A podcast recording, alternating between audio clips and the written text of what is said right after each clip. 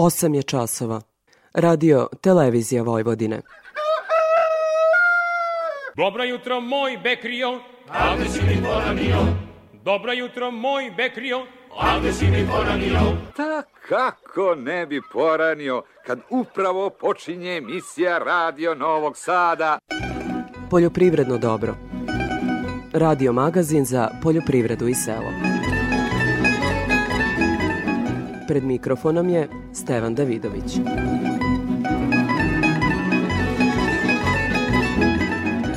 Dobro jutro. Obično emisiju počinjemo aktualnom situacijom na poljima, tako i ovaj put. Neki proizvođači ocenjuju da u u pšenice nedostaju padavine, pa i radove oko biljne proizvodnje prilagođavaju vremenskim prilikama. Ima i dosta glodara, žali se ratar u Bačkoj palanci Milan Bulajić. Da nemamo dovoljno padavina, samim tim ne može doći do njenog potpunog razvića i onog kana faze koja je potrebna za ovaj period. Odradili smo vajanje, trovanje protiv glodara, dakle ovaj, imamo puno miševa na parcelama, prihranu prvu još uvijek nismo uradili jer nema padavine, ne vidimo neki smisao da bi trebali da krećemo u taj posao. Čekamo kišu i krenut ćemo i u tu zadnju fazu, pa kako nam bude, bude. Kada smo kod biljne proizvodnje, ono od čega strepe voćari su izuzetno topli dani koji nas prate u posljednjem periodu. Međutim, uprkos teškim vremenskim prilikama i lane, je voćarstvo zabeležilo solidne tržišne rezultate. Šta činiti da se sačuva rodu voćarstvo, ali kakvi su izvozni potencijali ove godine, govorimo u temi emisije. Gost u studiju biće profesor Zoran Keserović. Vinogradari i vinari su u sredu obeležili slavu Svetog Trifuna. Svečano je bilo na Departmanu za vinogradarstvo u Sremskim Karlovcima – Ipak direktor departmana Dragoslav Ivanišević upozorava na to da je proizvodnja grožđa i vina sve skuplja. Prethodne godine smo bili svedoci da su svi inputi, gotovo svi inputi u proizvodnji značajno porasli Ako krenemo od podizanja vinograda, inputi za potporu stubove, žice, nafta, čak i, nadnice su značajno porasle odnosu na prethodnu godinu, tako da sve ono što je potrebno za vinograd sve je značajno a, poskupilo. Očekujemo, neke su najave da bi u, ovoj godini, bar u nekom početnom periodu, bar te cene inputa mogle malo da padaju i čini mi se da, da trenutno malo, malo padaju, ali a, svakako da se, teško se to vratiti na neki pređašnji nivo, dakle proizvodna cena grođa značajno je porasla Naravno, pre nego što krenemo sa najavljenim zapisima, sledi muzika, pa izveštaj agrometeorologa.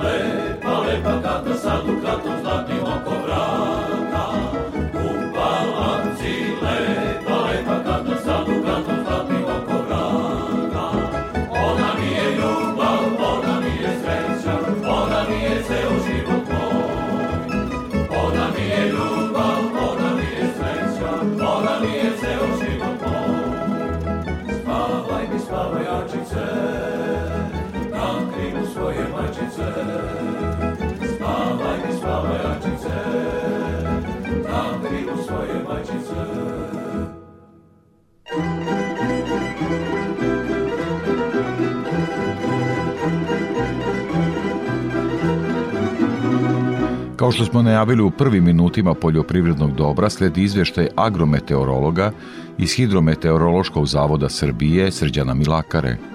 Protekla sedmica obeležena je toplim vremenom sa pojavom slabih padavina na većem delu zemlje. Minimalne temperature vazduha bile su između 5 i 15, a maksimalne dnevne od 10 do 20 stepeni. Neobičajno toplo vreme i visoke dnevne temperature vazduha u ovom delu februara mogu isprovocirati prezimljujuće useve koji mogu pokrenuti vegetaciju. Sve to može dovesti do povećanja hidrature tkiva kod biljaka što može uzrokovati pad otpornosti na pojavu jačih mrazeva koji su mogući u narednom periodu. Povoljni vremenski uslovi u ovom delu februara pogodni su za obilazak i pregled parcela pod ozivim usevima kao i njihovo đubanje, zatim rezidba i priprema zemljišta za sadnju novih zasada voća i vinova loze kao i primjena adekvatnih mera nege i zaštite. Što se prognoze tiče, u nedelju se očekuje prolazno na oblačenje sa kišom koje će ujutru i pre podne zahvatiti severne i zapadne, a posle podne proširit će se i na ostale predele Srbije. Početkom naredne sedmice, umereno do potpuno oblačno, ponije će biti sa slabom kišom, to uglavnom na zapadu i jugu zemlje, dok će na planinama padati slab sneg. Za Radio Novi Sad, Srđan Milakara, Hidrometeorološki zavod Srbije. EPP pesticidi, đubriva, semena i još oko 2000 artikala za poljoprivredne proizvođače, uz besplatan prevoz, stručne savete i mogućnost kreditiranja. Hemoslavija, Novi Sad, Stevana Sinđelića 17, na putu za veternik. Hemoslavija 021 63 11 666. EPP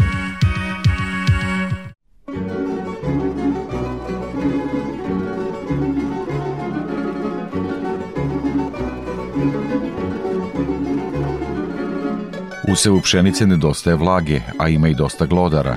O tome sam razgovarao sa ratarom u Bačkoj Palanci, Milanom Bulajićem. Milane, kako je stanje pšenice?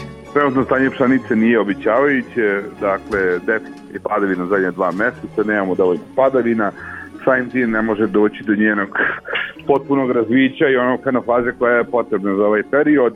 Odradili smo vajanje, trovanje protiv glodara, dakle ovaj, imamo puno miševa na parcelama, prihranu prvu još uvijek nismo uradili jer nema padavine, ne vidimo neki smisao da bi trebali da krećemo u taj posao. Čekamo kišu i krenut ćemo i u tu zadnju fazu, pa kako nam bude, bude. Kako tržišno ocenjuješ pšenicu? Tržišno smo veoma loši, tržišno cijena je negde 19 dinara, novi ro se priča na nekih 17,5-18, tako da veoma, veoma uh, poražavajuće i ne uliva nam neku nadu i vođu da bi proizveli neki kvalitet i bilo, mislim, za bilo kakvim velikim ulogom, tako da zaista je zaista negde problematika. A sad, nema je puno, nismo je puno zasnovali, tako da je to jedino neka uteha trenutno. Šta će sa prolećnom setvom biti, odnosno šta planiraš da seješ? Ove godine su jarice u prvom planu, definitivno ne obećavaju. Vrsta godine traži velik ulog, svoje sutra traže manji uloga i trenutno imaju malo bolju cenu tako da će sigurno vladati stoje na našim poljima. Što se tiče država nam je ove godine zašto su se dakle povećane subvencije po hektaru i samim tim nam to pomaže kako bi izneli ovu godinu na leđima prehodne, prehodne bila najlošija možda ikada, tako da uz pomoć države i nekim odgovornim radom nadamo da ćemo ove godine da zaradimo nešto. Šta su trenutni radovi? Šta trenutno na njivama radi? Pa trenutno znači, smo valjali pšenicu, odradili trovanje protiv vodara i počeli smo da zatvaramo zimsku brazde, zaista evo, visoke su temperature iza nas i sve to dovelo do toga da se zemljište brzo suši, da smo krenuli u otvaranje zimske brazde, a to je zadnji put bilo pre nekih 6-7 godina ista ovakva situacija, tako da smo počeli tu agrotehničku meru, kako bi sačuvali tu zimsku vlagu koja se nalazi u zemljištu i kako bi dočekali spremni setvu koja je pre nama negde početkom aprila. Milane, veliko ti hvala za ovo kratko javljanje u program. Čujemo se uskoro. Hvala vama puno i prijatno, sve najbolje. Sve najbolje.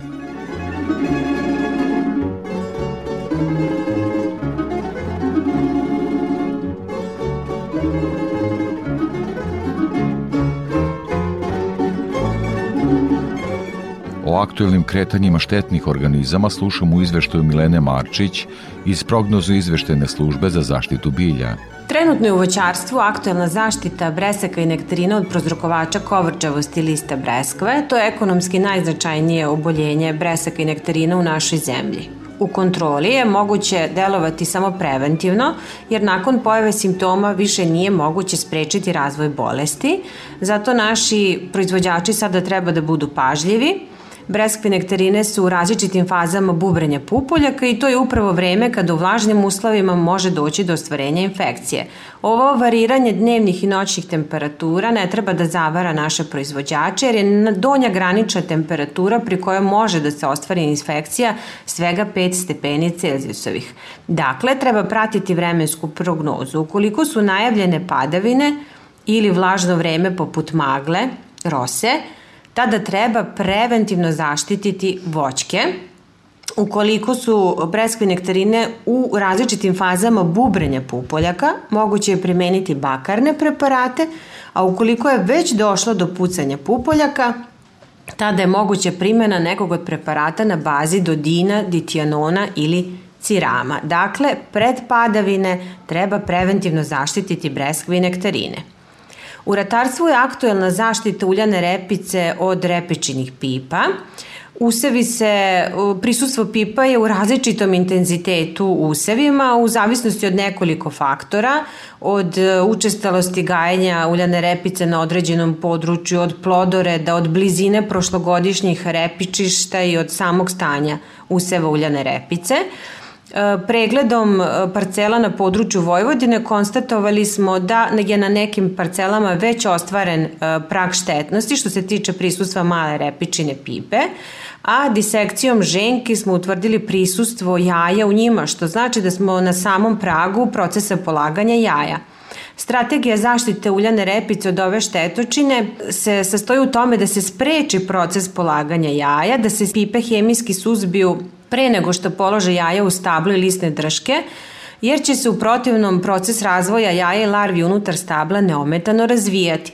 Zato predlažemo poljoprivrednim proizvođačima da obiđu parcele uljane repice, ukoliko utvrde jednu pipu na pet biljaka, da sprovedu mere zaštite nekim od registrovanih insekticida na bazi alfa-cipermetrina ili lambda-cihalotrina. Detaljnije informacije o ovim štetnim organizmima kao i o drugim naši slušalci mogu pogledati na portalu prognozno izveštene službe za zaštitu bilja, odakle se javlja Milena Marčić.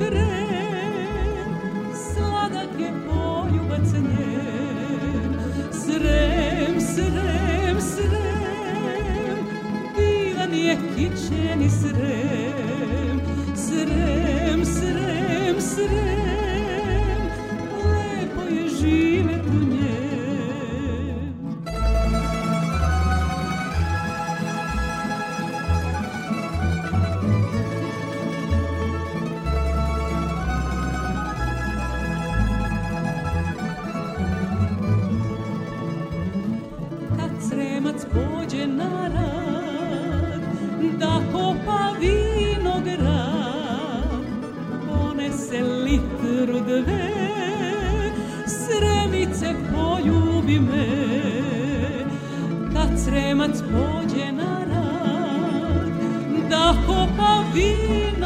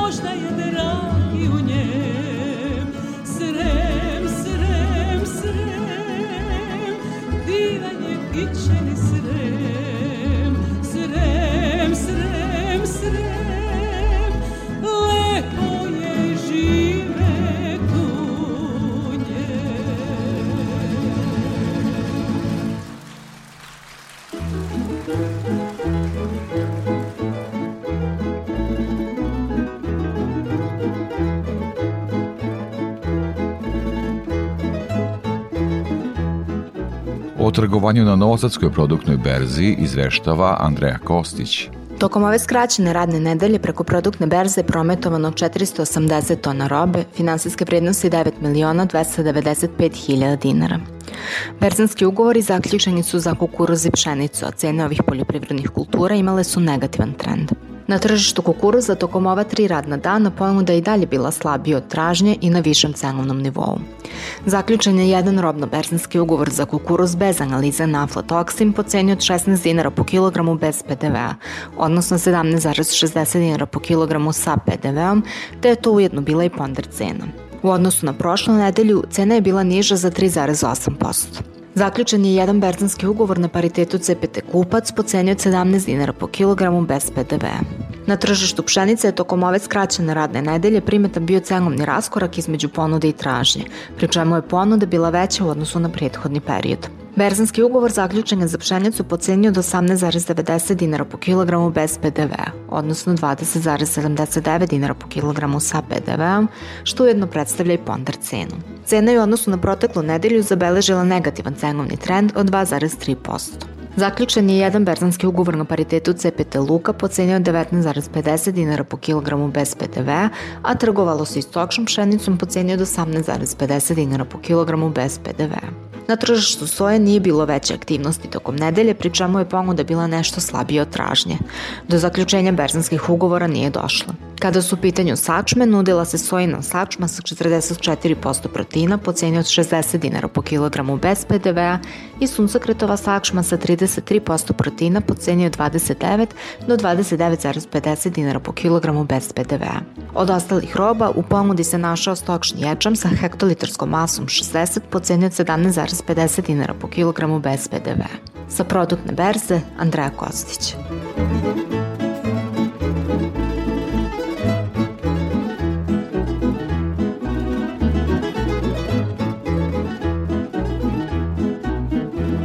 Kao i svake nedelje pratimo izveštaje o cenama za tržišta žive stoke. Iz Infotim Logistike izveštava Gordana Jeličić. Tokom nedelje naši saradnici tovne svinje sa farme oglašavali su po ceni od 220 do 240 dinara po kilogramu, tovljenike sa mini farme po ceni od 218 do 220 dinara po kilogramu, a tovljenike iz otkupa po ceni od 204 do 210 dinara po kilogramu. Ukupno je tržištu ponuđeno više od 2000 tovljenika. Tokom nedelje, plasman tovnih svinja sa farme dogovaran je po ceni od 220 do 240 dinara po kilogramu, dok su se tovljenici sa mini farme dogovarali po ceni od 218 i 220 dinara po kilogramu. Zbog kratke radne nedelje, mnogi klaničari će svoje otkupne cene formirati od nedelje, ali tokom ove nedelje zabeležen je trend rasta cene. Za farmsku robu se već pregovara na 230 i 240 dinara po kilogramu. Prasaca farme oglašena su po ceni od 550 do 600 dinara po kilogramu, prasaca mini farme po ceni od 500 do 510 dinara po kilogramu, a prasad iz otkupa po ceni od 440 do 445 dinara po kilogramu. U ponude smo imali oko 600 prasadi. Nazimice za priplot ponuđene su po ceni od 50.000 dinara po komadu. Jagnjac su ponuđena po ceni od 455 do 510 dinara po kilogramu, ovce za klanje ponuđene su po ceni od 231 do 240 dinara po kilogramu. Šilježac su ponuđena po ceni od 450 dinara po kilogramu. Bikovi rase Holstein oglašeni su po ceni od 300 do 301 dinar po kilogramu, a bikovi simentalci po ceni od 337 do 348 dinara po kilogramu. Kad je živina u pitanju, jednodnevni pilići teške linije ponuđene su u rasponu od 47 do 60 dinara po komadu, a 18-nedeljne koke nosilje ponuđene su po ceni od 700 dinara po komadu. Cene su izražene bez PDV-a. Za Radio Novi Sad, Gordana Jeličić iz Infotim Logistike.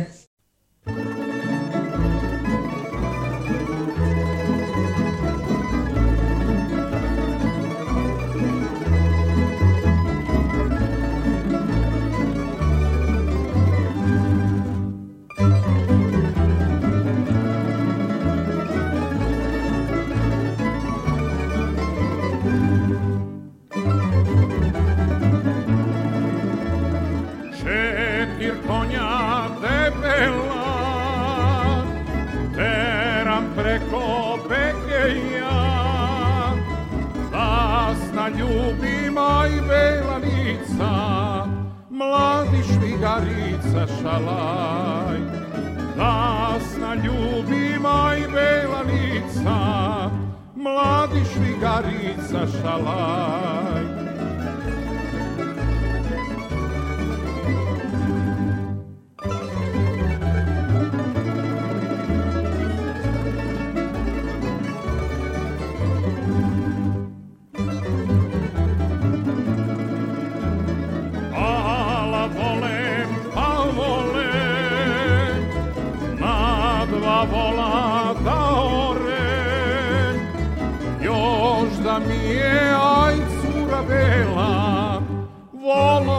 tera šalaj. Još da mi je aj cura bela, volove da tera šalaj.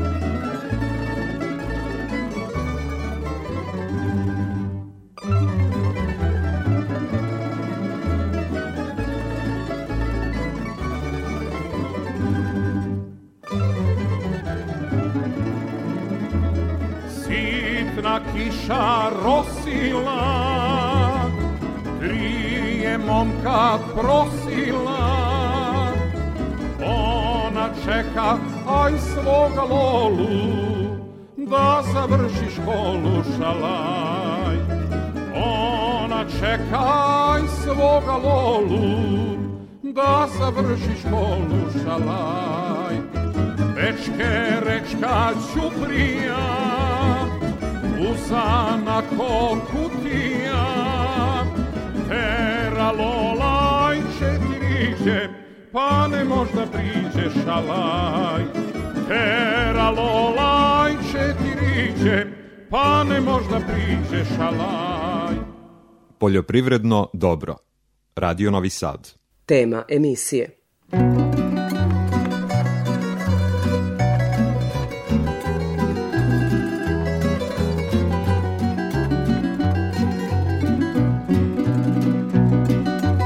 Temi emisije govorimo o voćarstvu, zato je naš gost u studiju, profesor na Poljoprivrednom fakultetu u Novom Sadu, Zoran Keserović. Dobar dan, dobro nam došli. Dobar dan i bolje vas našao. Toplo vreme, zaista iznad proseka, već duže vremena, najavljuju se takve temperature i u narednom periodu. Šta je sa voćem? Poslednjih 12 godina koliko ja pratim imamo jedan topao period u januaru mesecu i februaru mesecu a, ove godine i krajem prošle godine što je običajeno isto smo imali jedno izuzetno toplo vreme i ovo toplo vreme utiče na brže obrazovanje generativnih pupoljaka i čim su pupoljci na višem stepenu obrazovanja oni će biti osetljiviji na niske temperature. Tako da ja očekujem, a evo koliko ja pratim u poslednjih 12 do 15 godina da negde u trećoj dekadi marta meseca početkom aprila dođu niske temperature i to baš u vreme cvetanja i precvetavanja kada su te fenofaze najosetljivije, pogotovo u fazi precvetavanja i onda dođe do velikih šteta. I zapravo smanjenje prinosa voća u Srbiji nastaje zbog tih uh, niskih temperatura u toku zime i ovaj, pro, proleć, prolećnih mrazeva. Tako da ja preporučujem proizvođačima da se pripreme. Dobro je što se u poslednje vreme radi jako dosta antifrost sistema zaštite voća kao rošavanjem, ne samo kod jabučastih, sada su počeli da rade i kod koštičavih voćnih vrsta, evo sad sam video u Žitorađi dole na 6 hektara je urađen antifrost sistem za trešnju i kompletno su trešnju prošle e, godine zaštitili od niskih temperatura. Postoje i druge metode, to je korišćenje frostbustera koji ubacuju topli vazduh ili primitivnije metode bale slame koje se zapale kada se temperatura spusti ispod 0 stepeni. Ali najbolje je da voćnu vrstu proizvođači izaberu za odgovarajuće agroekološke uslove, jer je pozna kako vi kajsiju posadite u ravnici da recimo 10 godina neće biti jedna rodna godina s obzirom da ona ima jako osetljive generativne pupoljke na niske temperature. Rekli ste već e, deo onog što se može učiniti da se spreče ovako nepovoljne okolnosti, ali u najkraćem, evo i dosta nas sluša i koji imaju male zasade, da ne kažem u okućnicama i tako. Šta se može učiniti ako su manji neki sistemi? Ako su manji e, zasadi na okućnicama, znači preporučuje se krečenje, pošto bela boja odbija svetlost ne samo debla, nego i rameni grana, ili recimo prskanje sa bakanim preparatima sa malo jačom koncentracijom do 30% na kaj način i da kombinuju se uvek sorte rano cvetne i kasno cvetne sorte, jer nikada ne znate kada će doći mraz. Nekada ostanu rano cvetne sorte, a nekada ostanu plodove od kasno cvetnih sorti. Znači na, najbolje je prilikom podizanja koji izabrati sorte kod osetljivih voćnih vrsta i rano cvetne i kasno cvetne sorte i dobro je sad postoje jako dosta novih e, metoda za sprečavanje štete od grada i štete od mraza, štete od mraza tako da je to dobro jer to su dva faktora koji najviše utiču na smanjenje prinosa kod voća. Sadnje i orezivanje? Ja preporučujem proizvođačima, uvek smo mi radili analizu rodnosti pupoljaka, pogotovo kod jabučastih voćnih vrsta, međutim sad proizvođači nemaju tu naviku. Ja im savjetujem da to urade. Ja sam evo ovih dana radio analizu pupoljaka na negde 60 hektara zasada jabuke i jako su različita potencijalna rodno zavisno sorte. Recimo Zlatni Delicious i Granny Smith imaju preko 80% rodnih pupoljaka u 100, dok recimo Fuji, sorta Jerome i Crveni Delicious imaju negde 25 25 do 30%. Ne može se na isti način rezati ove sorte koje imaju malu potencijalnu rodnost i one sorte koje imaju visoku potencijalnu rodnost. Dalje, kod koštičevih voćnih vrsta koje imaju osetljive generativne pupoljke na niske temperature, kao što je breskva i kajsija, preporučujem ako su manje površine da se ta rezidba odloži kada prođe opasnost od poznih prolećnih mrazeva. Dakle, profesor, ovo nije nešto što je baš jako novo, ovakve temperature u ovo vreme. Nije, nije, I naši proizvođači pretpostavljeno slušaju savete. Kakva su iskustva na terenu ili ima koji to propuste pa bude i šteta? Pa, pa ima dosta koji propuste, prvo ne vode računa prilikom podizanja, podizanja zasada i ovaj tu naš, naprave promašaje, onda kasnije isto kod rezidbe isto se prave velike greške, uh, recimo da ako je potencijal neke sorte šljive jako nizak, ne sme se oštra rezidba primjenjivati, nego se može ostaviti svaki potencijal rodni pupoljak. Ako ima jako dosta uh, generativnih pupoljaka u kruni, onda mora biti malo oštrija rezidba da bi se otklonila ta alternativna rodnost koja recimo kod nekih sorti i jabučastih voćnih vrsta i koštića, evo recimo kod šljive čačanska rodna možda se desi da u jednoj godini rodi izuzetno dobro, a da sledeće godine rodnost bude nikakva ili da nema plodova. Možda kratko samo o štetočinama, zaštita donjeg dela stabla i tako kako, šta se tu dešava? O, obavezno, znači mora da se uradi to krečenje i dobro je, mnogi su proizvođači već uradili to takozvano jesenje prskanje sa bakanim preparatima. Evo sad ponovo treba uraditi prolećno prskanje. Ja obično u jesen radim kada opadne 50-70% listova i još jednom po, u proleće e, predlažem da se uradi sa bakanim preparatima svakakvim preparatima zaštita, a tamo gde se završi uh, znači rezidba obavezno raditi ovaj tretiranje sa varitkinom. Možda kratko samo, mada se to i pominje, ali prolećna sadnja, neke kratke preporuke oko toga. A, vidite, često je dilema da li je bolja jesenja ili prolećna sadnja. Ukoliko se sade jednogodišnje sadnice koje nemaju prevremene grančice, onda je bolja jesenja sadnja. Ukoliko se podižu zasadi sa e, sadnicama koje imaju prevremene grančice, a sve više se podižu zasadi kod jabuke i kod kruške i kod trešnje i kod šljive sa prevremenim grančicama, onda je bolje da ta sadnja bude prolećnja jer je, jako, jer je dosta sigurnija. Kod jabuke to otprilike e, sadnja možda se sa ovakvim sadnicama odloži do kraja aprila, početkom maja, ali kad su u pitanju koštičeve voćne vrste, krajnji rok jeste e, negde 20-25. april. Znam da to naši proizvođači voćari dobro znaju, ali možda je dobro ih podsjetiti ih značaj kvalitetne sadnice. Vrlo važno i sortna ispravnost e, sadnica i kvalitet sadnica. Evo, ja preporučujem recimo poljoprivredni fakultet, departman za voćarstvo i vinogradarstvo koji ima izuzetno kvalitetne sadnice i sortno čiste je veoma važno jer desi se recimo da vi uzmete jednu sortu a da nije ta sorta kao povoljnija je cena, međutim bolje uzeti kvalitetnu i sigurnu sadnicu po- po- posaditi jer takve voćke ostaju ne 10 godina, ostaju 20, 30 i više godina.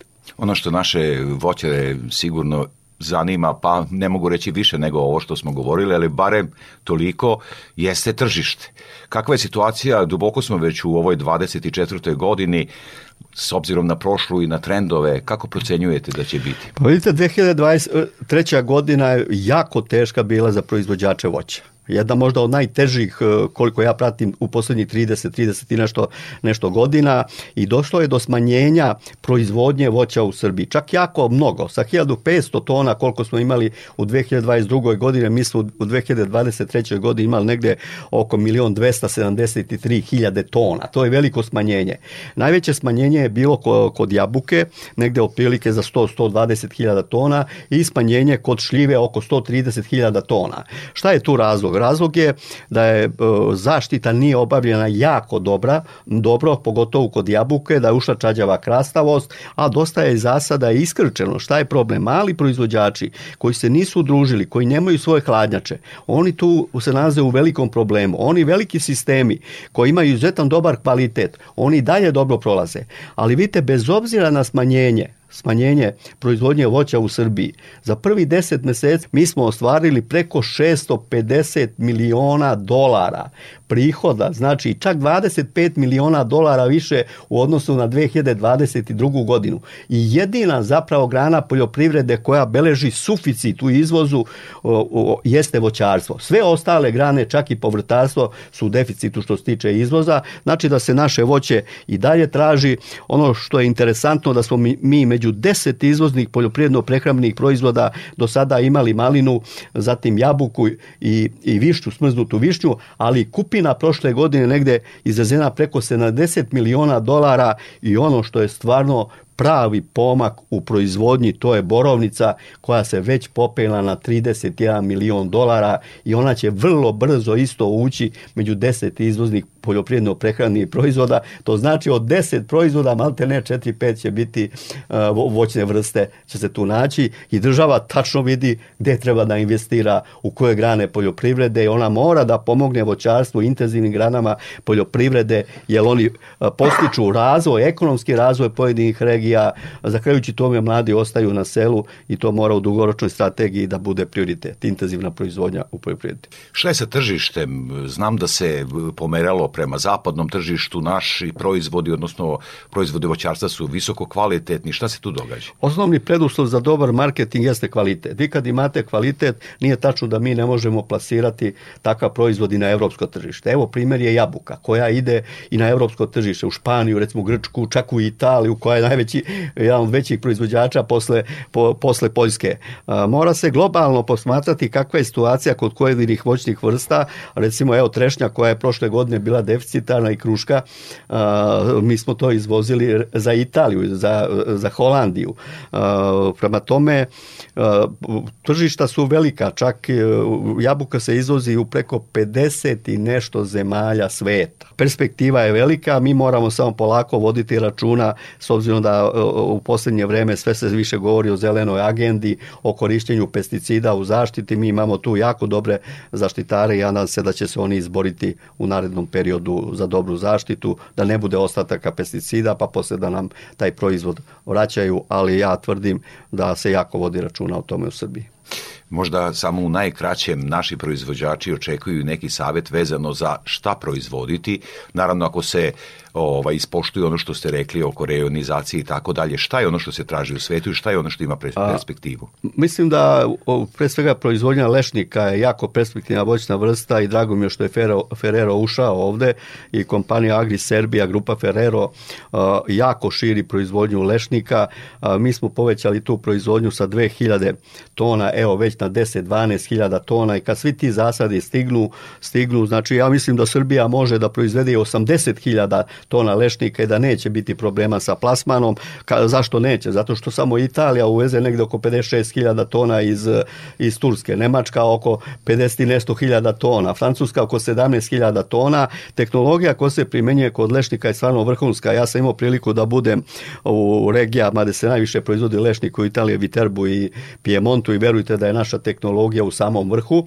Pored lešnika, orah je deficitarna voćna vrsta, treba ga saditi, velika je perspektiva perspektiva i možda za sada jedna od najperspektivnijih voćnih vrsta, pogotovo ove nove sorte kakva su Chandler, Lara i Fernor, znači to su sorte berzanska, berzanska roba, jako se znači ostvaruju veliki prinos preko 6-7 tona po hektaru, lako se može prodati jer je kvalitet jezgre izuzetno dobar. Naravno i trešnja će i dalje biti interesantna kao voćna vrsta, tu su napravljene velike greške, ali treba voditi računa koje sorte biramo, evo recimo pokazalo se da je sorta recimo Carmen, zatim Regina, Skina, zatim Karina, da su to sorte koje pokazuju veću otpornost na niske temperature i kruška je deficitarna u celoj Evropi. Mi još dovoljno nismo osvojili tehnologiju kruške. Verujte da su ove godine Interprom je izvozio krušku u Italiju po negde fet, sorta, radi su sorti Fetel po 70 i nešto eurocenti. I sad, profesore, vezano za ovo što ste sada govorili, ali sasvim suprotna stvar. Dakle, e, pitanje je vama bilo prethodno šta proizvoditi, a ovo sada pitanje šta ostaviti u proizvodnji, pominjali, pominjali ste u pripremi za razgovor i šljivu i tako dalje, dakle nešto što je naša tradicija, a što bi imalo interesa na tržištu, da ne izgubimo ono što imamo.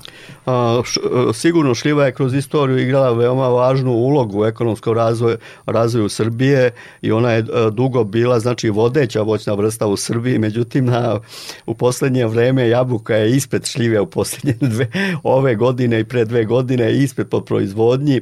A, šljiva mora se menjati tehnologiju, a vidim budućnost šljive sa novom tehnologijom, a to je e, kalemljenje novih sorti. Recimo, sorta Top Taste se pokazala, to je nemačka sorta, pored čačanske rodne lepotice, kao jedna od najboljih u proizvodnji sa jako dosta suvih materija, preko 22%, izuzetno je dobra i za rakiju, i za džem, ali se, znači, mora sadnja obaviti ako se koristi vavit ili ili iskara, srednje bujna podloga 4 puta 2 metra, 4 puta 2 metra i ja mislim da šljiva i dalje će imati veliku perspektivu, to su nam rekli italijani. Evo sad da vam kažem da je Mirko Perić koji je izvoznik šljive, šljive znači iz Srbije najveći, najviše izveza u Italiju, negde 70%, 30% u, u Nemačku, da je on izvezao negde preko 600 tona šljive.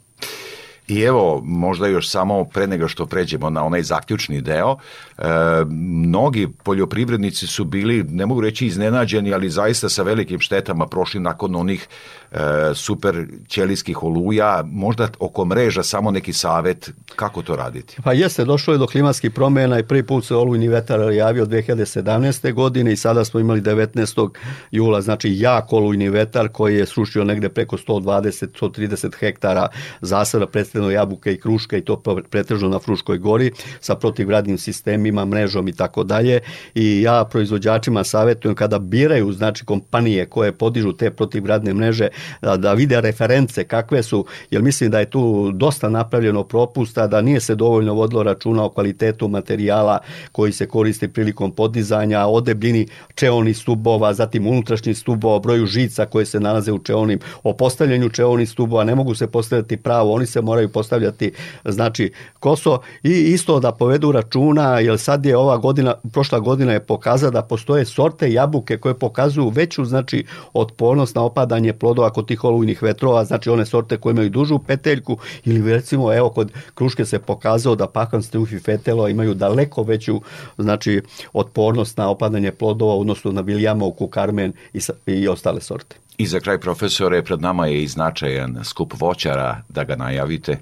Jeste, 24. februara na Poljoprivrednom fakultetu u Novom Sadu držat će se tradicionalno 19. savjetovanje voćara. Teme su vrlo interesantne. Mi smo ovde izabrali e, znači teme pre svega problemi u proizvodnji voća u 2023. godini, a bili su veliki predlog mera šta dalje raditi.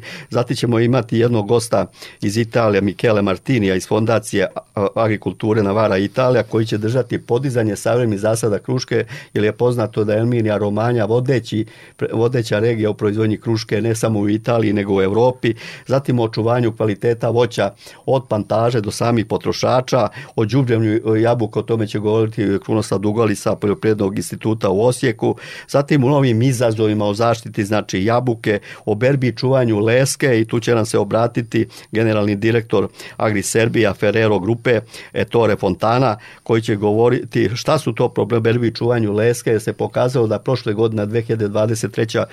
godina je bila jako teška, jer je dosta kiše padalo neposredno pred berbu, ali takođe Ferrero koji je podigao, znači negde oko 600 hektara Aleksa Šantić, oni svuda okolo imaju vetrozaštitni pojas, vetrozaštitni pojas, ostali nemaju. Tamo posle ove oluje je opalo negde otprilike od 20% plodova. Tamo gde nema vetrozaštitnog pojasa, tu je opalo 70 do 80% plodova.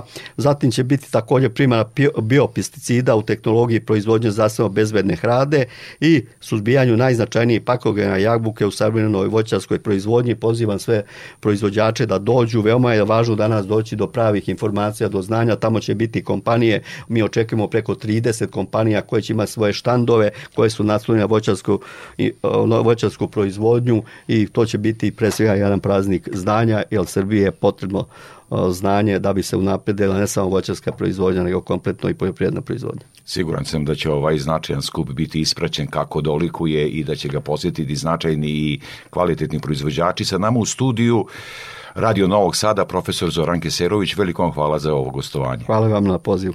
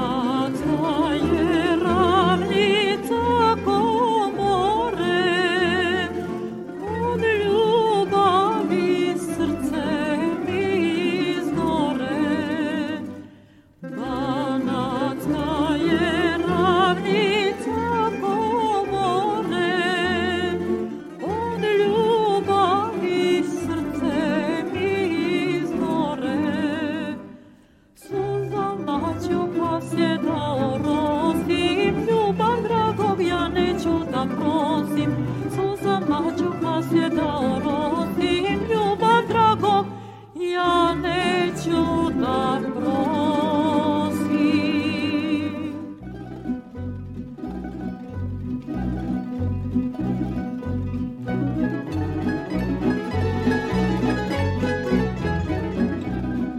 Do 1. marta poljoprivrednici mogu da podnose zahteve za posticaj u biljnoj proizvodnji od 18.000 dinara, a javni poziv za podnošenje zahteva objavljen je na sajtu Uprave za agrarna plaćanja pri Ministarstvu poljoprivrede.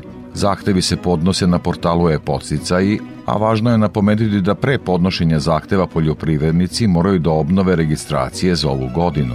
Koleginica Tatjana Popović nedavno je proverila kako su proticali prvi dani podnošenja zahteva u Kikindi. Podsticaji se ostvaruju po površini biljne proizvodnje za zasajene, odnosno zasađene i prijavljene površine pod odgovarajućom biljnom kulturom do najviše 100 hektara. Prvih dana podnošenja zahteva kikinski poljoprivrednici imaju pomoć savetodavaca u poljoprivrednoj stručnoj službi.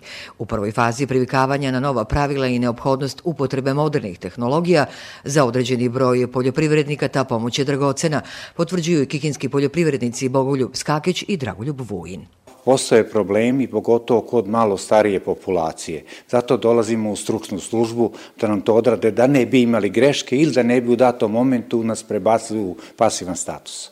Pre nedelju dana smo otprilike specificirali biljnu proizvodnju i sad donosimo, podnesimo ukupni zahtev za stimulaciju biljne proizvodnje. On ne pomažu, odrade taj deo posla što je oko računara i evo vidite nije ni gužva i ljudi se navikli. Pravo na podsticaje imaju samo poljoprivredni proizvođači koji prijavljeno zemljište i obrađuju, a subvencije neće moći da koriste vlasnici zemlje koji tu zemlju daju u zakup. Šta su za poljoprivrednike, bar u prvoj fazi prijavljivanja, najveći problemi? Pitali smo Mirjanu Tomić, savetodavca u Kikinskoj poljoprivrednoj stručnoj službi. Mislim da su upravo moderne tehnologije za njih najveći problem. Ovo drugo, sve obrada zemljišta, prijavljivanje, da to su već navikli u trezoru samo na neki drugi način. Ove, ljudi dođu uglavnom spremni ove, kada, su, kada, su u pitanju, kada je u pitanju poljoprivreda i obrade zemljišta, ali dođu to nekada totalno nespremni kada je u pitanju tehnologija. Nedoumice Pauri imaju kada je u pitanju refundiranje troškova repromaterijala goriva pre svega, kaže Milenko Ćeran, poljoprivrednik iz Novih Kozaraca. Što se tiče poljoprivredne službe, sve je u redu što se tiče registracije, ali nejasno je ljudima onaj drugi deo subvencija što se odnosi na fiskalne račune za repromaterijal, to još nikome nije tačno jasno. Pa se ne zna, skupljaj fiskalne račune, odbagu, ovo ono, da bi mogo dobiti drugi deo subvencija. Zahtev za ostvarivanje prava na povraćaj akcize na motorno gorivo koje se koristi u poljoprivredne svrhe može da se ostvari za najviše 100 litara nafte i biogoriva ta e, količina dizela koju mogu kupiti biće ograničena, znači biće povezana sa brojem hektara koji imaju prijavljeno u e-agraru. 100 litara po hektaru, kada kupe gorivo, se čuvaju taj račun, e, tek sutradan će biti vidljivo u, u aplikaciji e-agrar, znači mi ćemo kada oni dođu da im podnesemo zahtev, već videti račun i koliko litara su kupili. Pravo na podsticaje ne može se ostvariti za površine poljoprivrednog zemljišta u državnoj svojini, koje je podnosilac zahteva uze u zakup, odnosno na korišćenje, osim za poljoprivredno zemljište u državnoj svojini, koje je uze u zakup na javnom nadmetanju, u skladu sa zakonom kojim se uređuje poljoprivredno zemljište.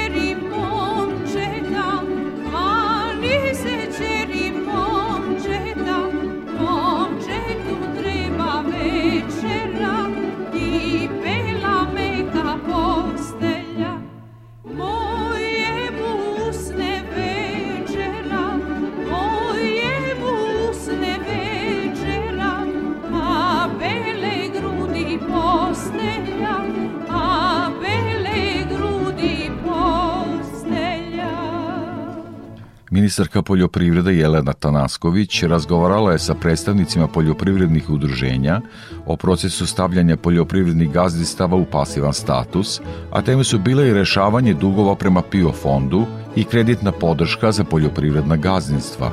O tome Đorđe Simović. Ministar Katanasković je istakla da do sada Uprava za agrarna plaćanja nijedno gazdinstvo nije stavila u pasivan status, a već izdata rešenja za pasivan status nisu konačna i dozvoljeno je pravo žalbe u zakonom propisanom roku. Ona je rekla da će svaki slučaj biti posebno preispitan i da će nakon dodatne inspekcijske kontrole biti donete konačne odluke o stavljanju u pasivan status gazdinstva. Ovim stavom ministarstva bio je nezadovoljan Miroslav Matković iz Udruženja poljoprednika Subotice. Nismo dobili 30 dana rok upozorenja, što je nama veoma veliki problem. Znači, stvarno ima poljoprivrednici koji su nesvesno i nenamerno napravili neke greške. Ja ne pravdam oni koji su to svesno, nego mi opet pričamo onima koji nesvesno, koji nisu deo parcele isekli ili su nesvesno kliknuli na neke stvari. Ministarka je još jednom napomenula da prilikom donošenja odluke o određivanju pasivnog statusa Uprava za agrarna plaćanja u obzir uzima stanje u registru poljoprivrednih gazdinstava koje je sam proizvođač popunio kao i inspekcijski zapisnik koji potvrđuje faktičko stanje na terenu nakon što su satelitski snimci pokazali suprotno stanje na terenu u odnosu na prijavljeno u registru. Kada je reč o pitanju dugovanja poljoprivrednika prema PIO fondu iz Ministarstva poljoprivrede saopštavaju da aktivno rade na pronalaženju rešenja i da su u prethodnom periodu održali niz sastanaka sa predstavnicima PIO fonda, Poreske uprave i Republičkog fonda za zdravstveno osiguranje. Nedeljko Savić iz udruženja Stig iz Požarevca kaže da su na sastanku predstavnicima Ministarstva poljoprivrede predložili kako da se taj problem reši. Tražimo se otpiše ukupna kamata i da se otpiše polovina duga i jednostavno da ljudi uđu u reprogram dugova da bi mogli ovaj da isplati te dugove. Znači da se problem reši. Na sastanku je bilo reči i o kreditnoj podršci za poljoprivrednike. Trenutno je u toku potpisivanje ugovora između Ministarstva poljoprivrede, Trezora i komercijalnih banaka, a očekuje se da će on biti okončan u narednim danima.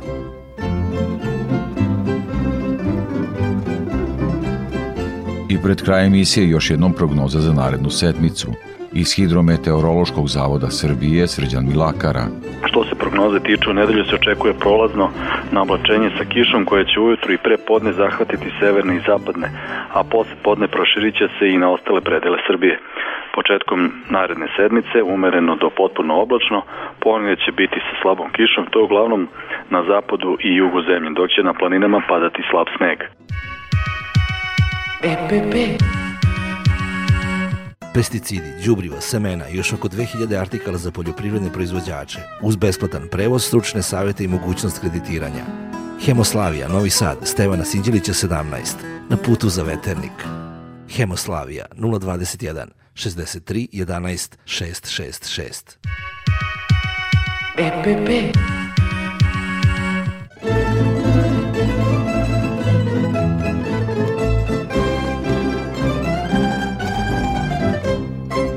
To bi bilo sve što smo vam pripremili za ovo izdanje poljoprivrednog dobra Radio Novog Sada.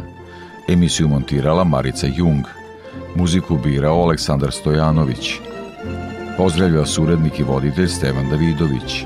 Naredni susret je za sedam dana uz podsjećanje, da emisiju možete slušati i odloženo na portalu Radio Televizije Vojvodine na adresi rtv.rs. Svako dobro.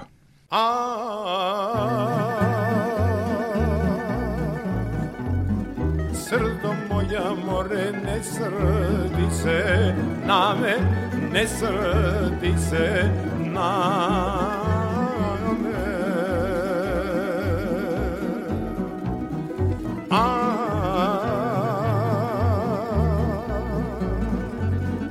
Jer ako se more jara srdim na te, jara srdim na te.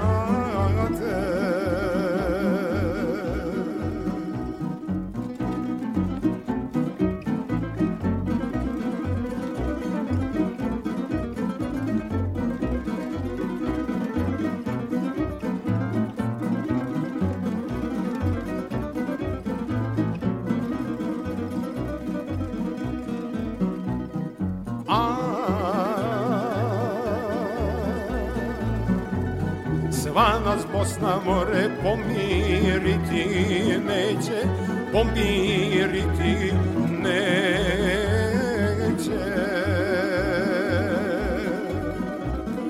A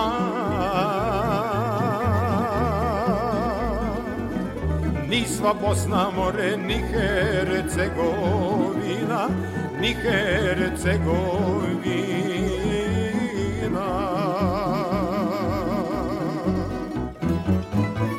Vinnog pijunane, vinnog pijunane, a ge Sarajlije.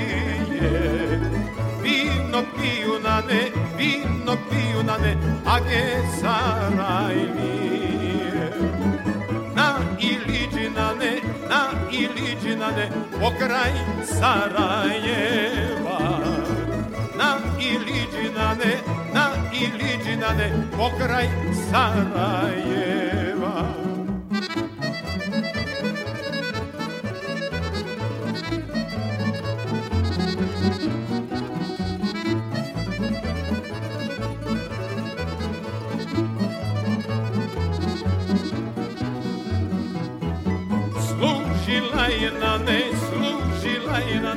Sarajka djevojka. Služila je na ne, služila je na ne, Sarajka djevojka. Kako kome na ne, kako kome na ne, čašu nalijevaše. Svaki joj se na ne, svaki joj se na ne, za jelek hvataše.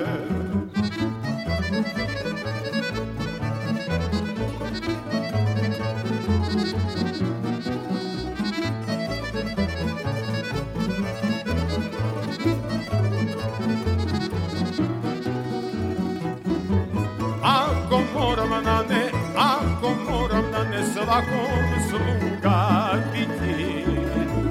Ja ne moram na ne, ja ne moram na ne svakom ljubav biti. Ako moram na ne, ako moram na ne svakom sluga biti. Ja ne moram na ne, ja ne moram na ne svakom ljubav biti. Pa malo ja, malo ti, više ja nego ti Pa ćemo se voleti, curo, ja i ti. A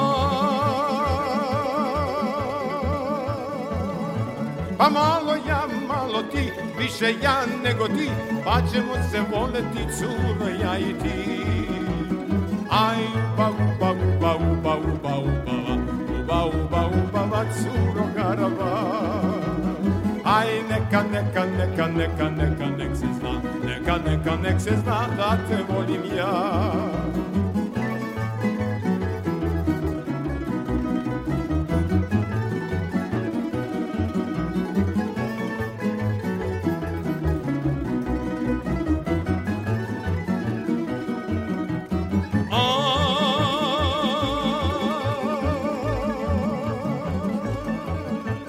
Čašu ja, čašu ti, više ja nego ti, pa ćemo se voleti, curo, ja i ti.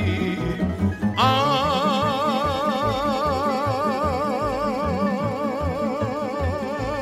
čašu ja, čašu ti, više ja nego ti, pa ćemo se voleti, curo, ja i ti. Aj, uba, uba, uba, uba, uba, uba, uba, uba, uba, uba, curo, garaba. Aj, neka, neka, neka, neka, neka, nek se zna, neka, neka, nek se zna, da te volim ja.